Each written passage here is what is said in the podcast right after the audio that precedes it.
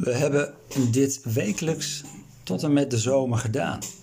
Een soort online Bijbelstudie. Bij gebrek aan een gesprekskring.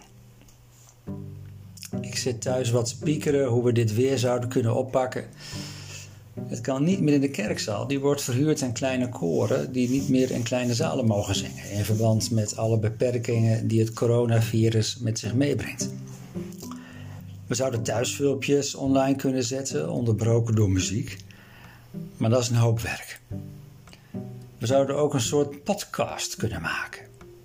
Wat dat precies is, weet ik ook niet. Maar ik ben er afgelopen zondag na de kerkdienst eens ingedoken.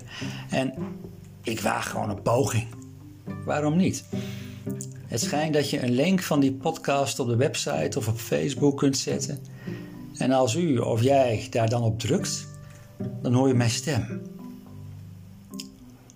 Dat zou toch wat zijn, als dat ons lukt. Verder lezen in Handelingen der Apostelen. Elke week een stukje. Vanaf oktober tot en met december.